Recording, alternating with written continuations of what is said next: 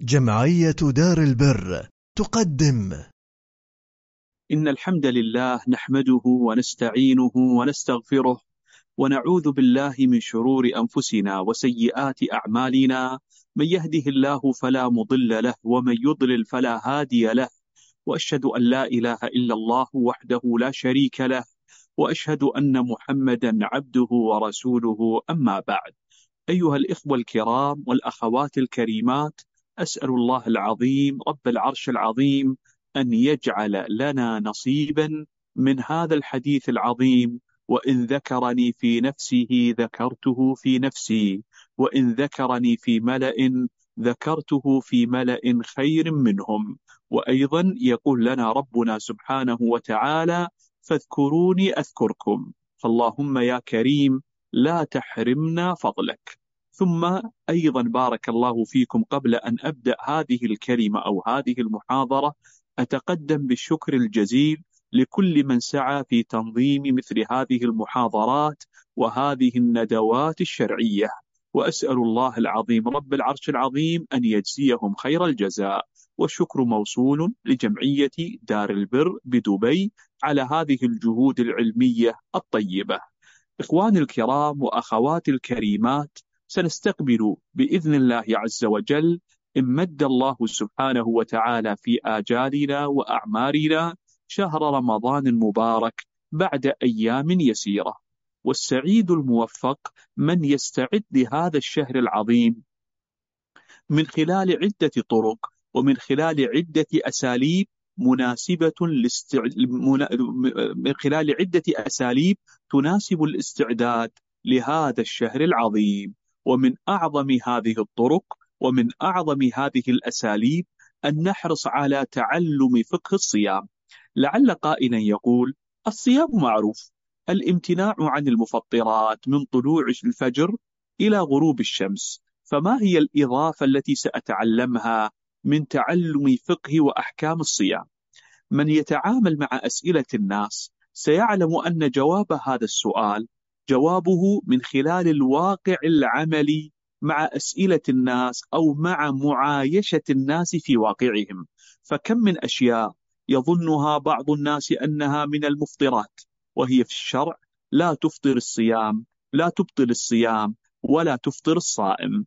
وكم من أشياء يظنها بعض الناس أنها لا تبطل الصيام وهي مبطلة للصيام. لذلك علينا أن نحرص على التفقه في دين الله عز وجل.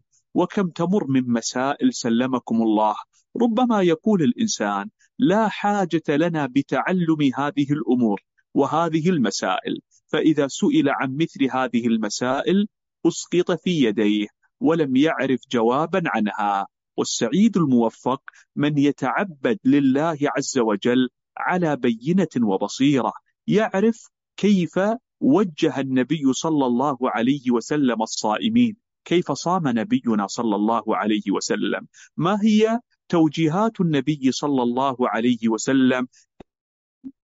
بها الصيام كاملا بإذن الله عز وجل.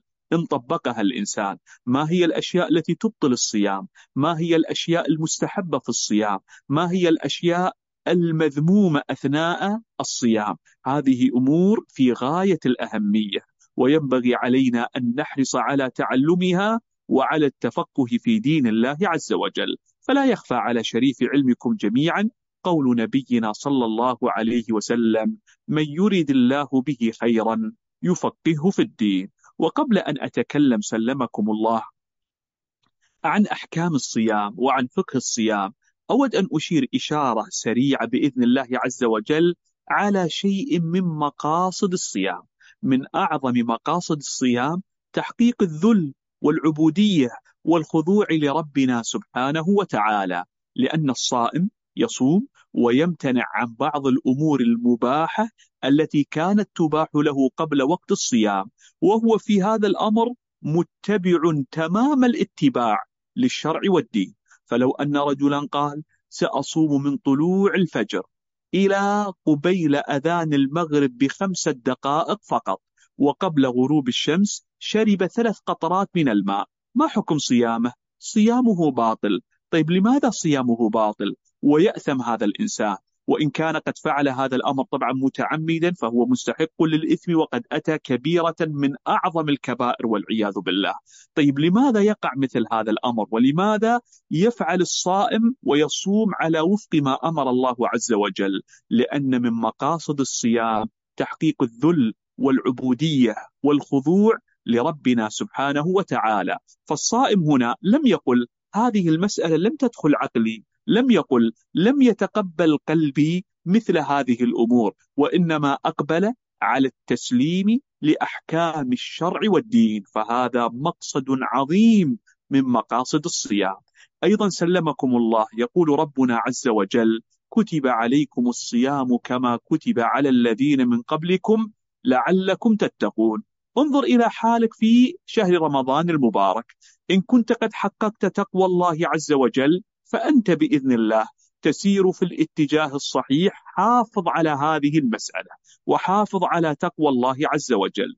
وأما إذا كان الإنسان في شهر رمضان يطلق بصره فيما حرم الله ويطلق سمعه فيما حرم الله ويجلس في ليالي رمضان يغتاب ويمشي بالنميمة والعياذ بالله فهذا لا بد عليه أن يراجع نفسه.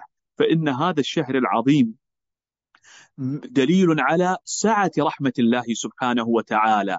فاربطوا رعاكم الله بين الأحكام الفقهية المتعلقة بصيام شهر رمضان وبين أسماء الله الحسنى وصفاته العلى. فهناك روابط كبيرة وواضحة جدا.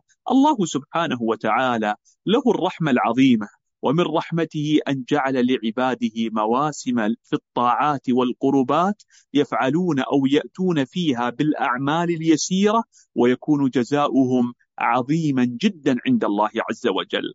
أيضا من مقاصد الصيام تحقيق التوحيد لله سبحانه وتعالى. فالصائم يراقب ربه سبحانه وتعالى ويصوم لله عز وجل.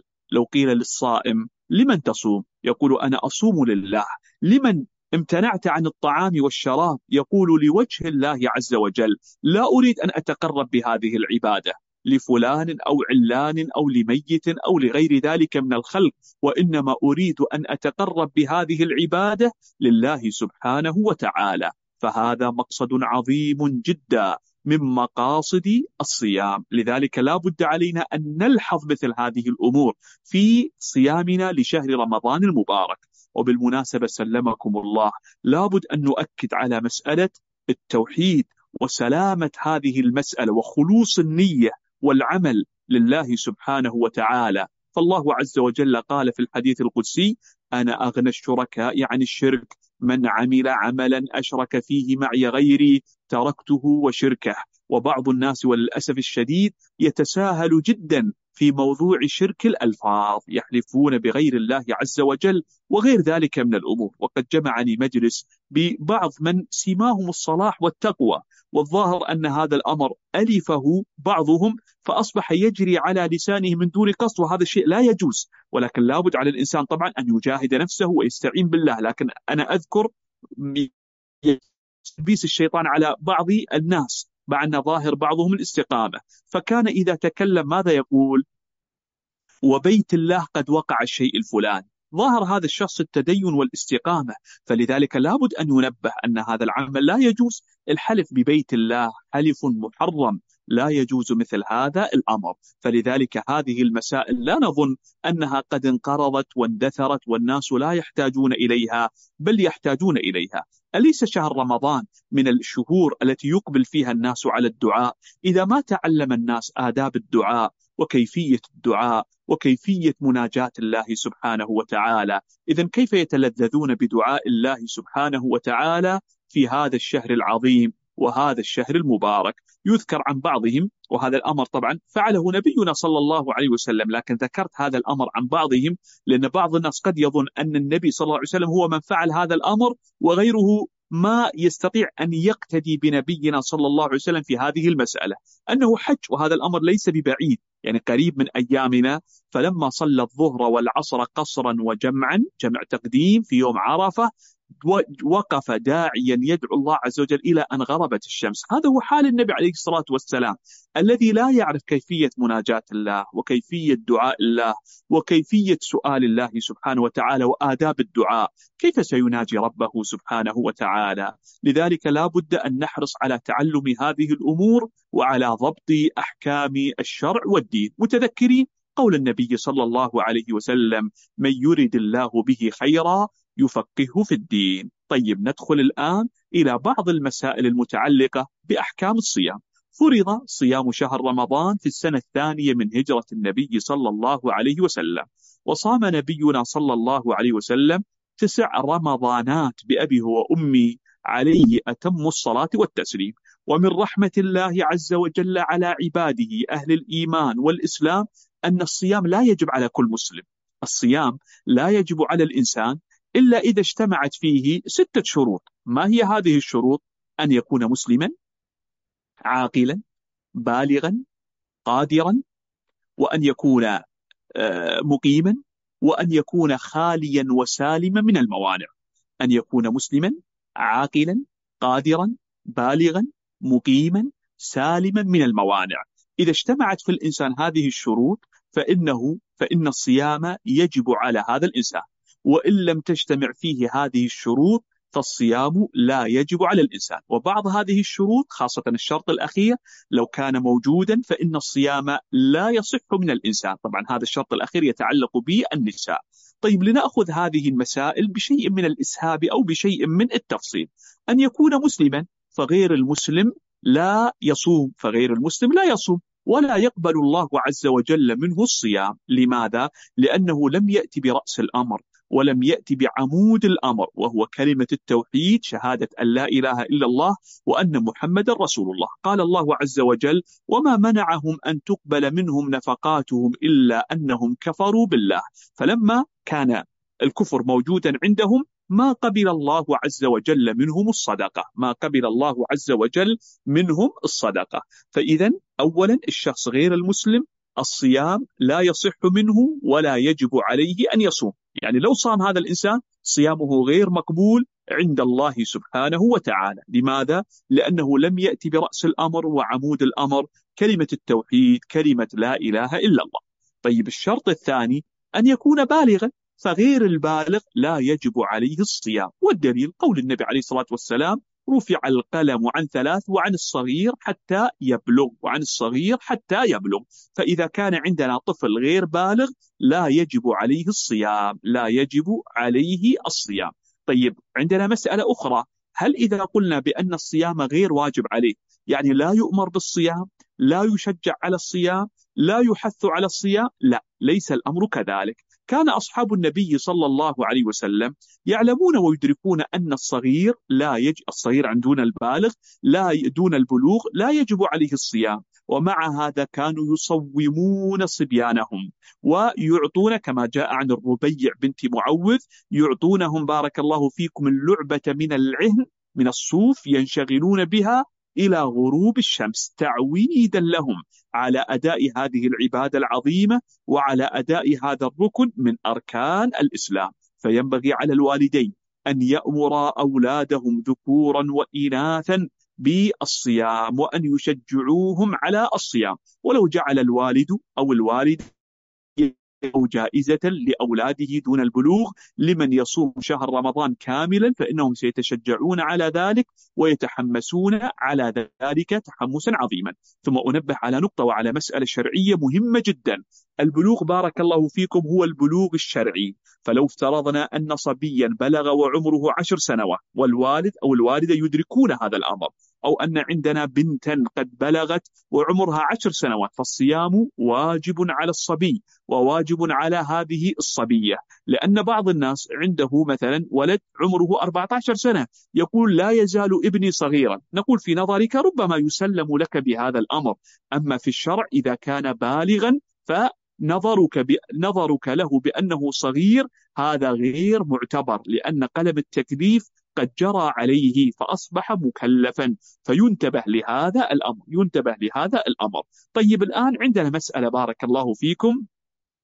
لو أن هذا الصبي الصغير دون البلوغ عمره سبع سنوات صام عشرة أيام وأفطر عشرين يوم. طبعا لا شيء عليه ولا قضاء عليه ولا صيام نصومه عن هذا الصبي. كذلك لو كان عندنا رضيع صغير فلا نصوم عنه بعد رمضان ولا يطعم عنه ولا ولا يجب على عليه أي شيء، لماذا؟ لأنه دون البلوغ ولم يجري عليه قلم التكليف، اذا أن يكون مسلما بالغا قلنا الشرط الثالث أن يكون عاقلا، فغير العاقل لا يجب عليه الصيام، طيب قد يقول القائل غير العاقل ما معناه بارك الله فيكم؟ غير العاقل يدخل في غير العاقل عدة أحوال أو عدة صور أو عدة أنواع. من هذه طبعا غير العاقل ما الدليل على أن الصيام لا يجب عليه؟ أنه من جملة من رفع عنه القلم وعن المجنون حتى يعقل وعن المجنون حتى يعقل. طيب من هؤلاء غير العاقل؟ ما هي أصنافهم من ناحية وجوب الصيام عليهم أو من ناحية عدم وجوب الصيام عليهم؟ يعني من ناحية هل تتناولهم المسألة الصيام واجب أو غير واجب؟ عليهم.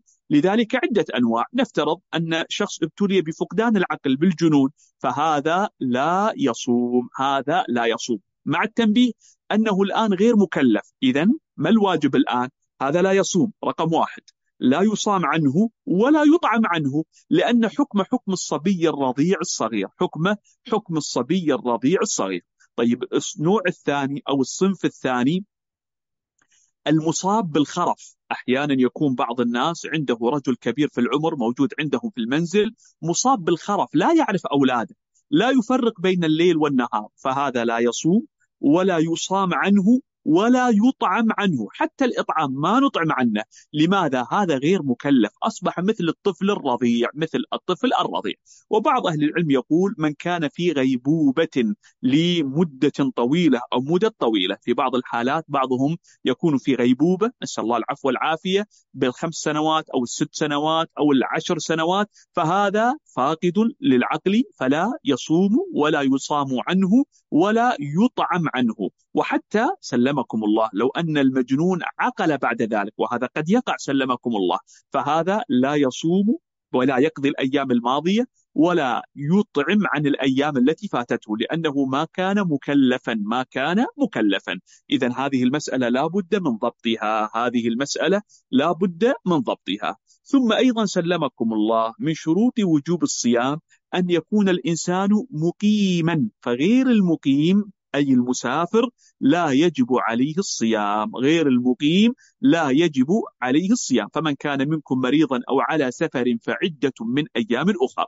مع التنبيه أن غير المقيم أي المسافر يفطر من رمضان وعليه قضاء هذه الأيام بعد رمضان بإجماع أهل العلم. يفطر يعني يجوز له الفطر وعليه القضاء بعد رمضان بإجماع أهل العلم فعدة من أيام أخرى مع التنبيه سلمكم الله أن الشريعة لم تحدد أي لم تحدد ولم تحصر الرخصة للمسافر بالفطر في نهار رمضان بوجود المشقة في السفر فلو أن رجلا سافر في طائرة وكان في الدرجة الأولى والمشقة تكاد تكون منعدمة بالنسبة له هل يجوز له أن يفطر في نهار رمضان؟ نعم يجوز له أن يفطر في نهار رمضان ولو أن رجلا سافر بالطائرة لنصف, لنصف ساعة هل يجوز له أن يفطر في نهار رمضان؟ نعم يجوز له أن يفطر في نهار رمضان هذه رخصة وتيسير من الله سبحانه وتعالى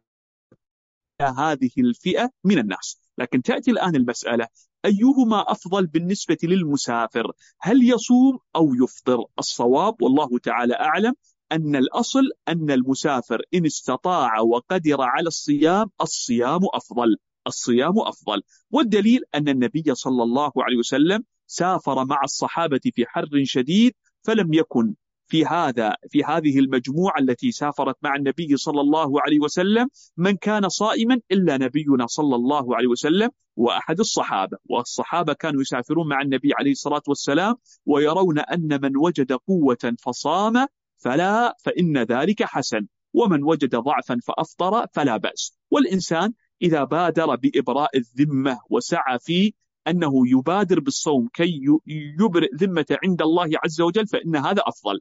إلا لو شق على الصائم لو شق على المسافر الصوم في السفر مشقة عظيمة فإن الأفضل في حقه أن يفطر. رجل مثلا سيسافر بالطائرة 14 ساعة في نهار رمضان والأمر يسبب له مشقة عظيمة جدا فنقول له خذ بالرخصة وأفطر فلا حرج عليك بل تؤجر إن شاء الله تعالى على ذلك. والنبي صلى الله عليه وسلم رأى رجلا في سفر قد ظلل عليه يعني سقط مغشيا عليه. فقال ما به؟ قال قالوا صائم. قال ليس من البر الصيام في السفر. فمن كان الصيام يتعبه بهذه الطريقة أو إلى هذه الدرجة فالفطر في حقه أفضل فالفطر في حقه أفضل. طيب أيضا من شروط وجوب الصيام أن يكون الإنسان قادرا على الصيام. طيب غير القادر تحته نوعين من الناس. نوع لا يقدر على الصيام مؤقتا في هذا الشهر من رمضان ونوع لا يقدر على الصيام بسبب شيء دائم يلازمه طيلة العمر. فالنوع الأول بارك الله فيكم هو المريض. فالمريض يجوز له أن يفطر في نهار رمضان. يجوز له أن يفطر في نهار رمضان. فيفطر ثم يقضي هذه الأيام بعد انتهاء شهر رمضان. مع التنبيه أن المرض المراد أن المرض الذي يبيح الفطر في نهار رمضان هو المرض المؤثر والذي إذا صام الإنسان وهو على هذه الحال من المرض تأثر هذا المرض. إما أن يزيد عليه المرض وإما أن يهلكه المرض وإما أن يسبب له بمضاعفات جسيمة ووخيمة فإن هذا المريض يجوز له أن يفطر ولا شيء عليه وعليه القضاء إن شافاه رب العالمين سبحانه وتعالى. طيب الصنف الثاني والنوع الثاني سلمكم الله من كان به عذر دائم والذي عنده عذر دائم يعني عاجز عجز دائم عن الصيام لهذا النوع عدة لهذا لهذا القسم عدة أنواع أو عدة أصناف منهم الذي به مرض دائم لا يرجى برؤه. الذي به مرض دائم لا يرجى برؤه. فهذا سلمكم الله يفطر وبعد رمضان يطعم عن كل يوم مسكينا. مع التنبيه بارك الله فيكم أرى والله تعالى أعلم أنه يجب عليه أن يستشير الطبيب الحاذق المسلم. لماذا أقول هذا الكلام؟ لأن بعض الناس يخرج من رأسه هكذا أنه مريض وأنه عاجز عن الصيام وهذا لا يجوز سلمكم الله. وأحيانا قد تكون المسألة عبارة عن هواجس فلذلك عليه أن يستشير. وبعضهم يقول لو استشار أكثر من طبيب من الحذاق في هذا الأمر فإن هذا هو الأحوط والأسلم للإنسان. وأما أن يتوهم الإنسان أشياء فإن هذا طبعا لا يجوز له أن يفطر بمجرد هذه الخيالات. طيب عندنا أيضا سلمكم الله حالة أخرى. ممن عنده عذر دائم. حالة الأخرى ممن عنده عذر دائم. ما هي هذه الحالة؟ الحالة هذه سلمكم الله من كان كبيرا في العمر من كان كبيرا في العمر. فإن هذا أيضا يعني كان كبيرا في العمر وكان ضعيفا ببدنه. عقله حاضر لكنه ضعيف ببدنه. فيجوز له أن يفطر يجوز له أن يفطر ويطعم عن كل يوم مسكينا. وهذا طبعا إذا كان عذره دائم. بمعنى لو افترضنا أن رجل عمره 90 سنة عقله حاضر ولم ينسى شيء ولكن بدنه ضعيف للغاية لا يستطيع ولا يقوى على الصيام. فماذا يفعل؟ يفطر ويطعم عن كل يوم مسكينا كما فعل أنس ابن مالك رضي الله تعالى عنه وأرضاه.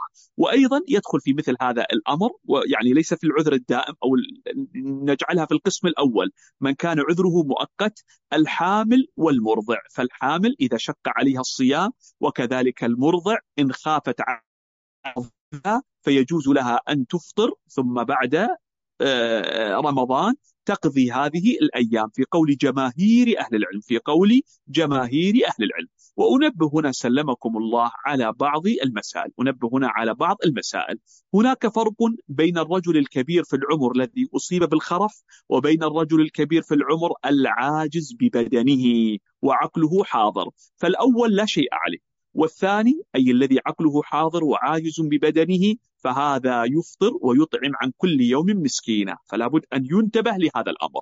ثم أيضا أنبه على نقطة وعلى مسألة في غاية الأهمية. بعضهم يعجز عن الصيام طيلة شهر رمضان. بمعنى لو قيل له صم ثلاثين يوم في رمضان يقول أنا عاجز أنا ما أستطيع على هذا الصيام. وهو قادر على أن يصوم بعض من رمضان فهذا يجب عليه أن يصوم. ثم بعد ذلك يقضي هذه الأيام. مثلا سلمكم الله رجل عنده مشكلة في الكلية. فماذا يفعل هذا الرجل بارك الله فيكم؟ نصحه أكثر من طبيب مسلم. قالوا له تستطيع أن تصوم يومين في الأسبوع. فماذا يفعل هذا الرجل؟ يصوم من كل أسبوع يومين ثم بعد ذلك بعد رمضان يقضي هذه الأيام التي أفطرها. فيصوم في كل أسبوع يومين حتى يقضي هذه الأيام حتى يقضي هذه الأيام. لماذا؟ لأن أهل العلم من قواعدهم المعتبرة أن الميسور لا يسقط بالمعسور وهو يقدر على صيام بعض الأيام فلا يجوز له أن يترك صيام كل الأيام. فهذه مسألة لا بد أن ينبه الناس عليها. هذه مسألة لا بد أن ينبه الناس عليها. ثم أيضا بارك الله فيكم ينبه جمع من أهل العلم أن الإطعام يكون على كل يوم بحسبه بمعنى من أفطر في اليوم الأول من رمضان إما لمثلا آه، عذر دائم أو لأن بدنه ضعيف أو لمرض دائم فإنه طبعا ليس كلامنا عن الذي عذره مؤقت لأنه سيقضي. لكن من كان عاجزا عن الصيام عجزا كليا وعقله حاضر فإنه يطعم عن كل يوم مسكين. والإطعام له طريقتين. إما أن يطعم كل يوم بيومه يعني اليوم الأول أفطر يطعم اليوم الأول. وإما أن يطعم بعد نهاية شهر رمضان يطعم 30 مسكين مرة واحدة. يجمع 30 40 مسكين ويطعمهم مرة واحدة. لماذا أقول هذا الأمر؟ لأن بعض الناس مثلا عنده الآن في بيته رجل كبير في العمر عاجز عن الصيام. فيخرج الآن بارك الله فيكم كفارة الإطعام عن صيام رمضان لعام 45 و400 وألف من هجرة النبي صلى الله عليه وسلم. وهذا طبعا خطأ. يقولون هذا كمن أخرج كفارة اليمين قبل أن يحلف. لا تصح منه هذه الكفارة لأن السبب لم يقع لأن السبب لم يقع. وعلى الإنسان أن يحتاط في هذا الأمر خاصة وأن الأمر سهل ويسير. وبعض الجمعيات الخيرية من أخرج لهم الكفارة يقول لهم في أول يوم من رمضان هذه مثلا كفارة إطعام عن رجل كبير في السن لا يستطيع الصيام لضعف بدنه يقبلون منه هذه الكفارة ويخرجونها بعد انتهاء شهر رمضان. فإن هذا أمر طيب وأمر حسن وهذا احتياط محمود من هذه الجمعيات الخيرية. احتياط محمود من هذه الجمعيات الخيرية. طيب ثم نأتي إلى الحالة الأخيرة. وهي أن يكون الإنسان أو أن تكون المرأة سالمة من الموانع فالحائض والنفساء لا يصح منهما الصيام. الحائض والنفساء لا يصح منهما الصيام. لو افترضنا أن امرأة وضعت مولودها في اليوم الأول من رمضان فالصيام لا يصح حتى ينقطع دم النفاس. ولو افترضنا أن امرأة جاءها العذر الشرعي في شهر رمضان فالصيام لا يصح منها حتى ينتهي عذرها وعليها القضاء وعليها القضاء. سألت آه، امرأة عائشة رضي الله عنها وأرضاها ما بال الحائض؟ تقضي الصوم ولا تقضي الصلاة؟ يعني الصلاة بارك الله فيكم آكد من الصوم. لماذا تقضي الصوم ولا تقضي الصلاة؟ قالت كان ذلك يصيبنا في أيام النبي صلى الله عليه وسلم فنؤمر بقضاء الصوم ولا نؤمر بقضاء الصلاة. وقبل هذا قالت, له قالت لها أحرورية أنت؟ هل أنت من الخوارج الذين يعترضون على أحكام الشرع وأحكام الدين ويردونها؟ فلذلك لابد ننتبه لمثل هذه المسألة. فالحائض صيامها باطل والنفساء صيامها باطل وعليهما القضاء بعد انتهاء شهر رمضان. عليهما القضاء بعد انتهاء شهر رمضان. وهنا أنبه على مسألة مهمة جدا. بارك الله في الجميع. لابد أن نعلم أن نفرق بين من طلع عليها الفجر وهي طاهر ثم اغتسلت بعد طلوع الفجر فهذا صيامها صحيح ولا شيء عليها.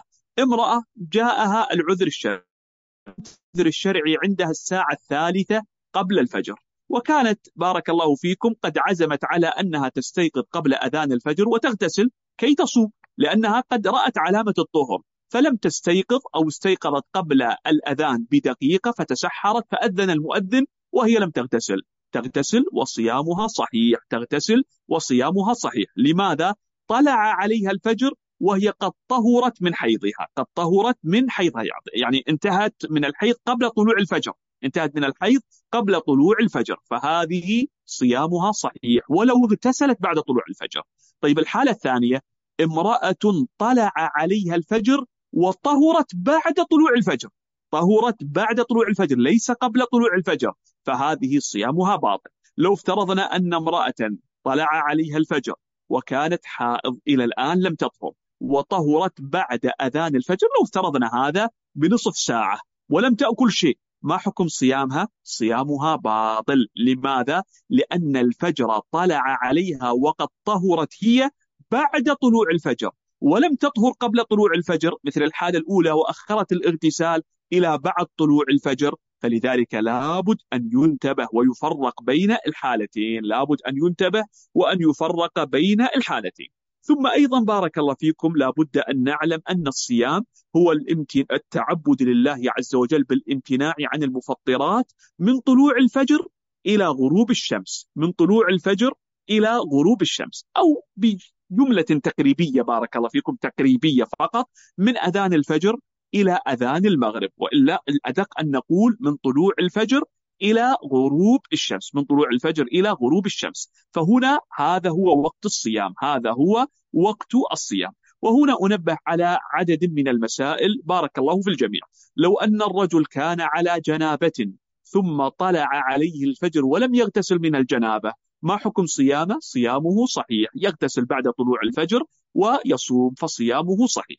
وأيضا بالنسبة لي صيام الفريضة جاء في الخبر الموقوف على الصحابة لا صيام لمن لم يبيت النية من الليل فصيام رمضان لا بد فيه من تبييت النية من الليل والنية عبارة عن عمل القلب ولو نوى الإنسان من أول رمضان أن يصوم طيلة شهر رمضان تجزئه نية واحدة ولا شيء ولا حرج عليه في ذلك لا شيء ولا حرج عليه في ذلك. وأيضا أنبه على نقطة وعلى مسألة مهمة جدا. بعض الناس هداهم الله عز وجل وكم تمر علي أسئلة حول هذا الموضوع؟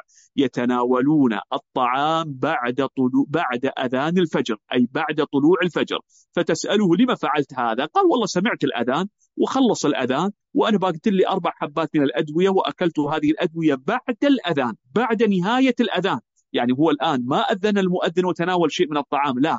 وإنما سمع المؤذن انتهى من الأذان واستيقظ والآن بدأ بتناول الطعام. وهذا والله أمر فيه تساهل عظيم عظيم عظيم. فلذلك لابد أن نحتاط في مثل هذه المسائل وأن هؤلاء يزجرون زجرا عظيما. وهؤلاء إذا بدر منهم هذا الأمر فمن أفتاهم بإعادة صيام هذا اليوم وأن هذا الصيام واجب في ذمتهم لم يبعد عن الصواب. والله تعالى أعلم. فلذلك ينتبه لمثل هذه المسألة وهذا الأمر. والراجح من أقوال أهل العلم وهذا قول جمهور أهل العلم أن من أذن عليه المؤذن وهو يتناول الطعام فيجب عليه أن يتوقف. يجب عليه أن يتوقف. إن بلالا يؤذن بليل.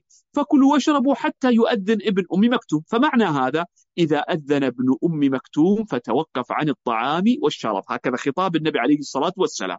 فإن قال قائل إذا أذن المؤ...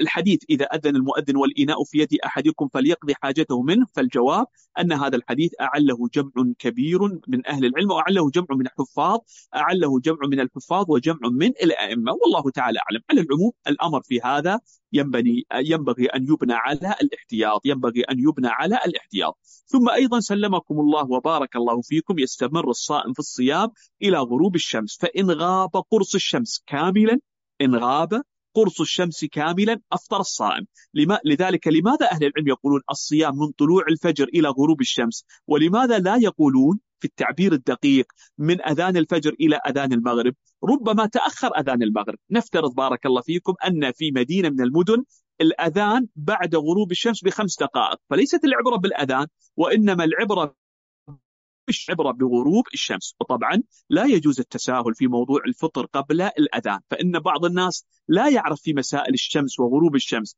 يرى أن الشمس لم تظهر وأن الشمس غائبة وراء بيته. قال غابت الشمس ولا أبصر الشمس فيفطر في مثل هذه آه، الحال. وهذا طبعا أمر لا يجوز وهذا أمر لا يجوز. فينتبه لمثل هذه الأمور ينتبه لمثل هذه الأمور. والمسائل هذه أيها الأحبة الكرام ليست من مسائل الطرفة أو النكتة أو أن الإنسان يريد أن يتساهل ويريد أن يتخلص من هذه العبادة بهذه الطريقة غير الصحيحة. وليست أيضا المسألة وسوسة. أحيانا تغرب الشمس ويؤذن المؤذن ويظلم يعني ويظلم الأفق وتجد بعض الناس يقول لا لا زلت أحتاط. أي احتياط هذا؟ هذا ليس باحتياط هذا مخالف لشرع ربنا سبحانه وتعالى. وطبعا بارك الله فيكم السحور وتناول أكلة السحر. هذا الأمر سنة من السنن وله آداب. فإن النبي عليه الصلاة والسلام قال نعم سحور المؤمن التمر. فينبغي على الإنسان أن يتسحر وأن يطبق هدي النبي صلى الله عليه وسلم. وقال تسحروا ولو أن يجرع أحدكم جرعة من ماء. والسحور يستحب أن يكون في ثلث الليل الأخير قبل أذان الفجر فإن هذا مستحب. وحتى لو كان الإنسان لا يريد أن يتناول شيئا من الطعام ليشرب كأسا من الماء ويحقق ويصيب سنة النبي صلى الله عليه وسلم. وبالمناسبة هنا بارك الله فيكم أحيانا تجد بعض الناس همه وشغله الشاغل الكلام عن مسائل التغذية في رمضان وكيف تحافظ على صحتك وكيف تحافظ على غذائك وإلى آخره والكلام كله عن الطعام والطعام والطعام. وهذه المبالغة بارك الله فيكم بهذه الطريقة. أرى والله تعالى أعلم أنها ليست سديدة. نعم بعض الحالات المرضية غير ذلك. هذه الأمور الإنسان يسأل عنها ويتحرى فيها لا إشكال في ذلك. ولكن أحيانا بعض الناس يجعل هذا الأمر وكثرة الكلام عن الطعام شغله الشاغل وهذا طبعا أمر لا يليق ينبغي أن يكون شغلنا الشاغل ما الذي يقربنا إلى الله سبحانه وتعالى. ثم أيضا بارك الله فيكم. الفطور يستحب أن يكون على الرطاب فإن لم يجد الإنسان فعلى التمر فإن لم يجد الإنسان حسى حسوات من ماء. هكذا ورد أو روي عن نبينا صلى الله عليه وسلم. ويستحب في السحور التأخير ويستحب في الفطور التعجيل. هكذا أوصى نبينا صلى الله عليه وسلم. وكما ذكرت لكم التعجيل لا يعني التساهل وأن يفطر الإنسان قبل غروب الشمس فإن هذا عمل محرم وعمل لا يجوز. عمل محرم وعمل لا يجوز. طيب عندنا مسألة بارك الله فيكم. ما هي المفطرات؟ ما هي الأمور التي لو فعلها الإنسان أصبح صيامه باطلا؟ أما الأمر الأول الطعام والشراب. فإذا أكل الصائم أو شرب الصائم فإن صيامه باطل. حتى لو كان هذا الطعام يسيرا. حتى لو كان هذا الشراب يسيرا. رجل بارك الله فيكم وجد يعني قطرات من ماء ووضعها في فمه متعمدا. فما حكم صيامه؟ صيامه باطل. رجل وجد بارك الله فيكم حبتين من الأرز وضعها في فمه وتعمد ابتلاعها وهو صائم. ما حكم صيامه؟ صيامه باطل. ونبه على مسألة. بعض الناس يراجع الطبيب في نهار رمضان. فالطبيب سلمكم الله يعطيه دواء يعطيه بعض الحبوب أو غيره فيضعها في فمه ويبلعها. ويقول هذه أعطاني إياها الطبيب. لا هذه تبطل الصيام لأن هذا أكل لهذه الحبوب وهذا الأمر يبطل الصيام. بعض الناس مثلا إذا كان في نهار رمضان وأرادوا أن يجروا له بعض أنواع الأشعة يعطون له بعض السوائل حتى تكون هذه الأشعة دقيقة. ويشربها شرب بارك الله فيكم. ما حكم صيام هذا الإنسان؟ صيامه باطل. فإن قال أعطاني الطبيب ولو أعطاك الطبيب أنت أكلت أو شربت. طيب الصيام باطل. هل أنت معذور أو غير معذور؟ هذا شيء آخر. وهذه مسألة أخرى طبعا بارك الله فيكم. لها تفاصيلها لها تفاصيلها. فلذلك ينتبه لهذا الأمر ينتبه لهذا الأمر. طيب الأمر الثاني أو الناقض الثاني من نواقض الصيام ما كان في حكم الطعام والشراب. في الواقع هو من ناحية هل هو طعام وشراب حقيقي يضعه الإنسان في فمه ويأكله؟ ليس كذلك. ولكن له حكم الطعام والشراب. مثل ماذا بارك الله فيكم؟ مثل التدخين. التدخين من نواقض ومبطلات الصيام. التدخين من نواقض ومبطلات الصيام. أيضا مثل ماذا بارك الله فيكم؟ مثل أخذ الحقن المغذية. بعض الناس يعطى له أو تعطى له الحقن المغذية الجلوكوز هذا. فهذا صيامه باطل. لماذا؟ لأن هذا الرجل قد يستغني عن الطعام بها الأسابيع بل ربما الشهور بل ربما السنوات. وهذا موجود عند بعض الناس. يجعلون في بعض أبدانهم شيئا من الثقوب ثم يدخل يدخل الطعام إلى أبدانهم من خلال هذه المغذيات. نسأل الله عز وجل أن يمتعنا بصحتنا وعافيتنا يا رب العالمين. اللهم لا تردنا إلى أرض العمر يا أكرم الأكرمين. فهذا ناقض من نواقض الصيام. أيضا يلحق بذلك كما يذكر هذا جمع من أهل العلم غسيل الكلية. غسيل الكلية يقولون أيضا ناقض من نواقض الصيام. فمن غسل كليته في نهار رمضان فصيامه باطل لأن الدم يرجع على بدن الإنسان ويكون في هذا الدم مواد غذائية تغذي الإنسان. وأيضا بارك الله في الجميع من نواقض الصيام. آه، أيضا بارك الله فيكم التي لها حكم الطعام والشراب إدخال الدم على البدن. ليس التبرع بالدم لا الشخص أن يعطى دما. فقالوا الدم هو خلاصة الطعام والشراب فهذا أيضا ناقض من نواقض الصيام هذا ناقض من نواقض الصيام. طيب بالنسبة لي الآن أتكلم عن شيء عام سلمكم الله قطرة العين قطرة الأذن قطرة الأنف آه هذه هل هذه من نواقض الصيام؟ لا تعتبر أتكلم الآن من ناحية الأصل. من نواقض الصيام ولكن بخصوص قطرة الأنف لو دخلت مجرد في أنف الإنسان لم تنزل هذه لا تبطل الصيام. لكن على الإنسان أن ينتبه فلا يدخل هذه القطرات وتدخل إلى جوفه. أحيانا بعض هذه القطور إذا وضعت في أنف الإنسان تنزل تنزل حتى حلق الإنسان ويشعر الإنسان أنه ابتلع شيئا. فهذا من مبطلات الصيام هذا من مبطلات الصيام. أيضا من مبطلات الصيام تعمد القي جاء هذا في أثر وخبر عبد الله بن عمر رضي الله عنهما من استقاء فليقضي ومن ذرعه القيء فلا قضاء عليه. من تعمد القيء فهذا صيامه باطل. أما رجل غلبه القيء فصيامه صحيح صيامه صحيح. أيضا من مبطلات الصيام الجماع. فلو أن رجلا جامع زوجته ووقع منه هذا الأمر فصيامه باطل. أو أنزل أو لم ينزل. أنزل أو لم ينزل. وكذلك من مبطلات الصيام خروج المني بشهوة طبعا يعني غير الاحتلام فهذا أيضا ناقض من نواقض الصيام. وطبعا الناقض الوحيد من نواقض الصيام الذي فيه الكفارة المغلظة هو الجماع. فمن جامع زوجته في نهار رمضان عليه الكفارة المغلظة عتق رقبة فإن لم يقدر يصوم شهرين متتابعين فإن لم يقدر يطعم ستين مسكينا. والراجح من أقوال أهل العلم وهذا قول جمهور أهل العلم أن هذه الكفارة على الترتيب وليست على التخيير فينتبه لهذه الأمور. طبعا في هذه المسائل تفاصيل أخرى بارك الله فيكم يرجع فيها إلى المطولات أو إلى الكتب التفصيلية ويرجع فيها إلى أهل العلم. حتى إذا أراد الإنسان أن يسأل عن بعض هذه التفاصيل يستطيع أن يكون على علم وبينة وبصيرة. ثم أيضا بارك الله فيكم من المسائل التي ينبغي علينا أن نحرص على تعلمها. أحكام صلاة التراويح والقيام. أحكام صلاة التراويح والقيام. وهنا أنبه على فائدة ليت بعض أئمة المساجد أن ينتبهوا إلى موضوع صلاة التراويح. فتكون المسألة عبارة عن صلاة تراويح وتكون المسألة أيضا عن تعليم للناس وتفقيه لهم في دين الله عز وجل. فإن بعضهم لا ينتبه ولا يلحظ لهذا الملحظ فإنه يؤدي صلاة التراويح بحكم الإمامة. اعلم أنك عندما تؤدي صلاة التراويح الناس يقتدون بك الناس يرون عملك فلا بد أن تحرص على تفقيههم في الدين. لا أقول بأن يخوض الإمام معه في دقائق المسائل ولكن احرص أن تطبق السنة فالناس تتعلم منك. هدي نبينا صلى الله عليه وسلم.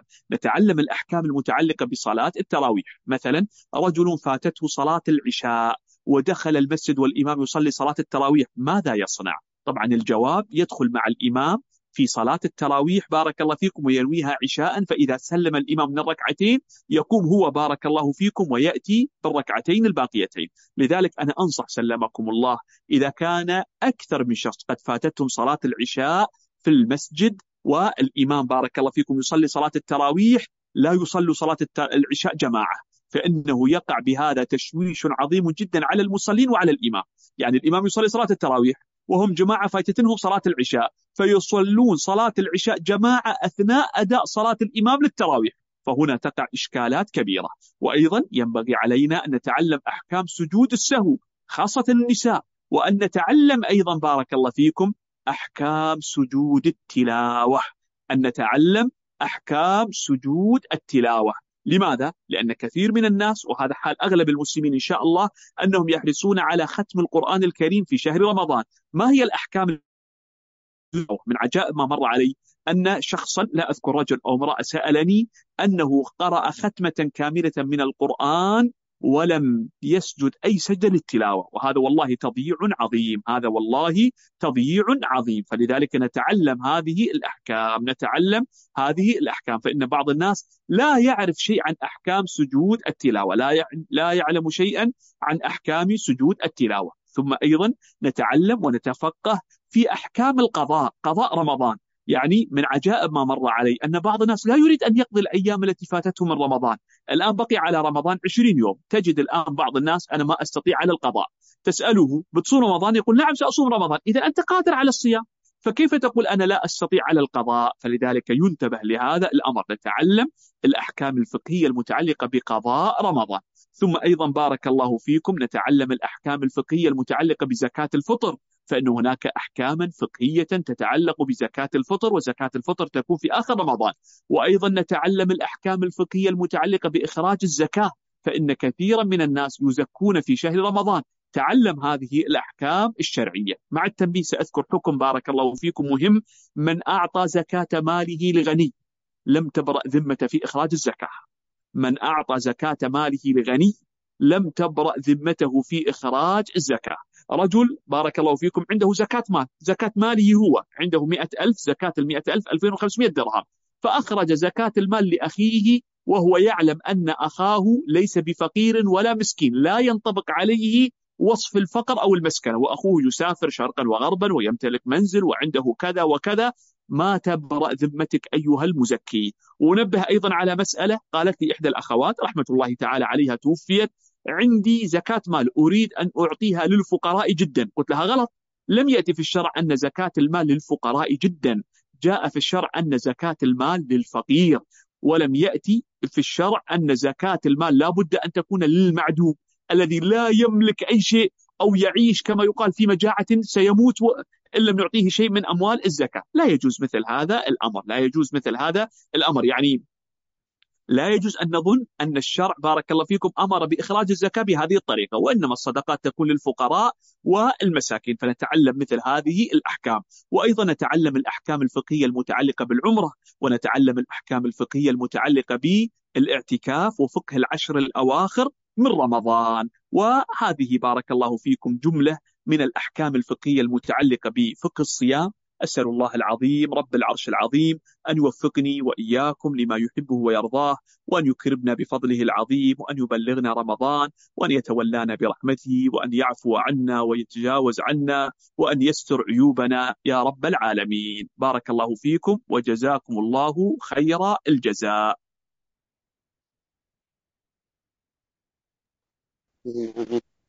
توجد أسئلة سلمكم الله؟ نعم نعم توجد توجد أسئلة شيخنا إذا أمكن نعرضها عليه تفضل سلمك الله. إذا قام آه، بإخراج كفارة الصيام قبل آه، قبل دخول رمضان. نعم. آه، هل يسقط عنه أم يعيدها مرة أخرى؟ الآن أنا أجيب على هذا السؤال بارك الله فيكم بالتفصيل. لو أن رجلا أخرج كفارة الصيام للعاجز العجز الكلي عن صيام رمضان لرمضان الذي سيأتي قبل رمضان يعيد إخراج هذه الكفارة. والله تعالى أعلم. لكن لو افترضنا أنه سيخرج الكفارة الآن وهذه الكفارة متعلقة بالصيام العام الماضي يجوز لا حرج. لكن أن تخرج الكفارة الآن بارك الله فيكم قبل دخول شهر رمضان فإن هذا لا يجوز. والله تعالى أعلم. الله آه، هناك ذلك سؤال. ما نصيحتكم لشخص مصاب بالمس وكيف يستغل رمضان على على أكمل وجه؟ هذا سؤال جيد سلمكم الله وهذا سؤال طيب. يذكر بعض الإخوة الرقاة الذين لهم عناية بمثل هذه الأمور أن مجموعة من الممسوسين شفاهم الله عز وجل في شهر رمضان لكثرة إقبالهم على تلاوة القرآن الكريم. هذا ابتلاء سلط على الإنسان فعلى الإنسان أن يجد ويجتهد. أشدد يديك بحبل الله معتصما فإنه الركن إن خانتك أركان. أيها الأحبة الكرام في وسط آيات الصيام ماذا يقول الله عز وجل؟ وإذا سألك عبادي عني فإني قريب أجيب دعوة الداعي إذا دعا أحد المشايخ قيل له استعن بفلان. قال والله ما متقوي إلا بربي سبحانه وتعالى. استعينوا بالله عز وجل. آه يا عبد الله استعن بالله عز وجل وعليك بدعاء الله ومناجاته واللجأ إليه والتوجه إليه. يعينك الله عز وجل. الذي بيده مقاليد الأمور يدبر أمر السماوات. ليس بقادر سبحانه وتعالى أن يدحر كيد هذا الشيطان وأن يخزيه. وأن يخرج من بدنك. الله سبحانه وتعالى قادر على كل شيء لكن علينا أن نصدق مع الله وأن نصبر وأن نستعين بالله سبحانه وتعالى. بارك الله فيك. آه، هناك ذلك سؤال يقول أنا طالب في دولة غير مسلمة كيف أعرف وقت الإفطار؟ وقت الإفطار سهل جدا. وقت الإفطار لا علاقة دقيقة. وقت الإفطار لا علاقة له بدولة مسلمة أو غير مسلمة. إذا غربت الشمس يفطر الصائم سلمكم الله. إذا غربت الشمس يفطر الصائم. وهذا الآن أنتقل إلى موضوع آخر فاتنا أن أذكره. كذلك بالنسبة للمسافر في الطائرة هذا الأمر بارك الله فيكم لابد من التنبيه عليه. وقت الفطر بالنسبة للمسافر في الطائرة لا علاقة له ببلد سفرك الذي ستصل إليه ولا علاقة له ببلد خروجك من السفر ولا علاقة له بوقت الأذان سلمكم الله على الأرض. لا علاقة له بوقت الأذان على الأرض. وإنما له علاقة بغروب الشمس وأنت جالس على مقعدك في الطائرة. إذا غربت الشمس ودخل الليل بارك الله فيكم تفطر في الطائرة. طيب قد يقول قائل كيف أعرف هذا الأمر؟ الحمد لله رب العالمين. الله عز وجل أعطانا بصيرة وتمييز. أعرف أنه هناك ليل وهناك نهار. إذا أظلمت الدنيا بارك الله فيكم ودخل الليل أفطر سلمك الله. لماذا أقول هذا الأمر؟ بعض الناس يريد أن يصوم على بلده الذي خرج منه. طيب هناك فارق عظيم في التوقيت. بعض الناس يريد أن يصوم على البلد التي سيصل إليها. طيب الشمس أمامك بعدها ما غربت. بعض الناس يريد أن يصوم على التوقيت الأرضي الذي يكون في الأرض. لا الطائرة في العلو. فيكون بارك الله فيكم وقت الفطر متأخرا عن الأرض. يعني إذا كان أهل الأرض يفطرون في الساعة السابعة الذين في الطائرة ربما أفطروا في الساعة السابعة والربع. فلذلك ينتبه لهذا الأمر. لعل السائل يسأل بارك الله فيكم كيف أعرف بداية الشهر؟ تسأل بارك الله فيكم الجالية الإسلامية الموجودة في البلد الذي ذهبت إليه وتسألهم متى عندهم شهر رمضان ويخبرونك ويجيبونك. ولهذه المسألة بعض التفاصيل الأخرى والله تعالى أعلم. بارك الله آه، هنا كذلك سؤال هل من السنة الإفطار على التمر أو الرطب؟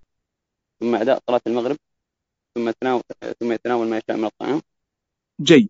السنة سلمكم الله بارك الله فيكم أن يفطر الإنسان على أي شيء. طبعا جاء في الحديث على رطب فإن لم يجد فعلى تمر فإن لم يجد حسى حسوات من ماء ثم تذهب وتؤدي صلاة الجماعة في المسجد. تذهب وتؤدي صلاة الجماعة في المسجد ثم ترجع ثم ترجع. إذا أردت أن تكمل إفطارك أكمل.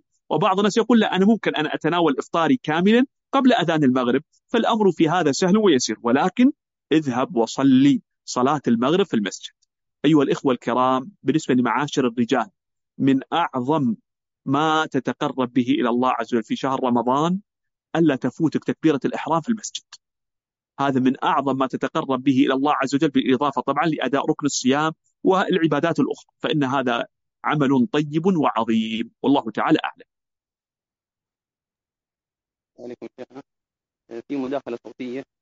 ممكن تفضل. الأخ حمدي علي تفضل أخوي حمدي. الأخ حمدي.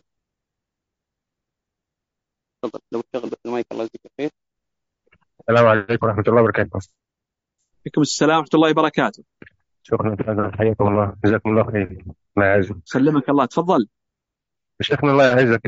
هل من توجيه كلمة للأئمة اللي بيكو- اللي إن هم يأخذوا في الحسبان آه، إن ما ما يكونوش صلاة التراويح مباشرة بعد صلاة العشاء ويجعلوا يعني جزء من الوقت اللي آه، إن الناس المسبوقة تلحق تصلي آه، اللي فاتها وكمان نحاول نحافظ على سنة العشاء. وبعد كده نصلي التراويح. وإلا آه، لأن ليس على الغالب يعني آه، بيصلي التراويح مباشرة. جيد. جزاكم الله إن خير شاء الله. حاضر. آه، إخواني الكرام الأخ حمدي ينبه تنبيه جيد. جزاه الله عز وجل خير الجزاء. أحبتي الكرام أحيانا بعض الأئمة وطبعا بعضهم سلمكم الله يفعل هذا الأمر ربما اجتهادا منه إذا سلم من صلاة العشاء لا يمكن بارك الله فيكم أن تأتي بأذكار بعد الصلاة إلا بعجل شديد جدا. وإذا بارك الله فيكم حرصت على أداء السنة فكأنك في سباق. فليت بعضهم حقا وصدقا انتظر قليلا حتى يتمكن الناس من الإتيان بالأذكار وحتى يتمكن أيضا المسبوق من آه، تدارك ما فاته من الصلاة. أما سلمكم الله وبعضهم أحيانا أيضا إذا سلم ما ينتظر ويصلي صلاة التراويح. فلذلك ذكرت لكم سلمكم الله ليتنا نعلم بأن صلاة التراويح بالنسبة للأئمة إمامة وتعليم وتفقيه لهم. فلذلك إذا حرص الإمام على هذا والله انتفع المصلون من ورائه انتفاعا عظيما. بارك الله فيك إذا أمكن فقط نأخذ سؤالين إن شاء الله. أبشر أبشر سلمك الله أبشر. آه، تقول بالنسبة لنية الصيام إذا نوينا بها من بداية شهر رمضان. إذا إذا الحائض نوت الصيام من بداية شهر رمضان. هل تعيد النية من جديد بعد الطهور؟ إذا انتهى طهرها بارك الله فيكم. إذا انتهى حيضها نعم تعيد النية سلمكم الله. وإلا غير الحائض سلمكم الله يكفيها نية واحدة. لأن انقطعت نيتها فتنوي بارك الله فيكم بعد انتهاء حيضها. والنية محلها القلب. هنا كذلك سؤال هل العمرة في رمضان لها أحكام مختلفة عن أحكام العمرة في الأيام العادية؟ لا ليس لها أحكام مختلفة لكن كثير من الناس يحرص على الاعتمار في شهر رمضان فينبغي عليه أن يتعلم أحكام العمرة. فمثلا يكون الإنسان آه، معتمر وصائم في رمضان طيب ربما تشكل عليه بعض الأحكام. فتعلم مثل هذه الأحكام أمر حسن وطيب. وأنا يعني أذكر هذا الأمر بارك الله فيكم باب الفائدة. وربما ذكرته في أكثر من مجلس لكن أرى بأن فيه فائدة. قبل سنوات تقريبا أكثر من عشر سنوات كنت جالسا في أحد المساجد فجاءني اثنين من الشباب بعد صلاة الفجر في العشر الأواخر من رمضان. فقال لي أحدهم اسمع من هذا عنده سؤال. قلت له خير. قال ذهبنا إلى العمرة في رمضان. يعني كان هذا الأمر قريب جدا ربما يوم أو يومين. قال وقال لنا أحدهم والزحام شديد. قال من طاف شوط واحد على السطح فكأنما طاف سبعة أشواط. قال فطفت شوطا واحدا وذهبت للسعي وكانوا مجموعة يعني أكثر من شخص. وقصروا ورجعوا للدولة. فقلت له يلزمك الآن أن تلبس ملابس الإحرام ثم تتجه إلى مكة وتأتي بهذه العمرة التي لم تكتمل. ففعل جزاه الله عز وجل ما أوصيته به. فلذلك لابد نتعلم مثل هذه الأحكام. والله تعالى أعلم. الله عليكم شيخنا وبارك الله فيكم. إن الله أن ينفع بعلمكم.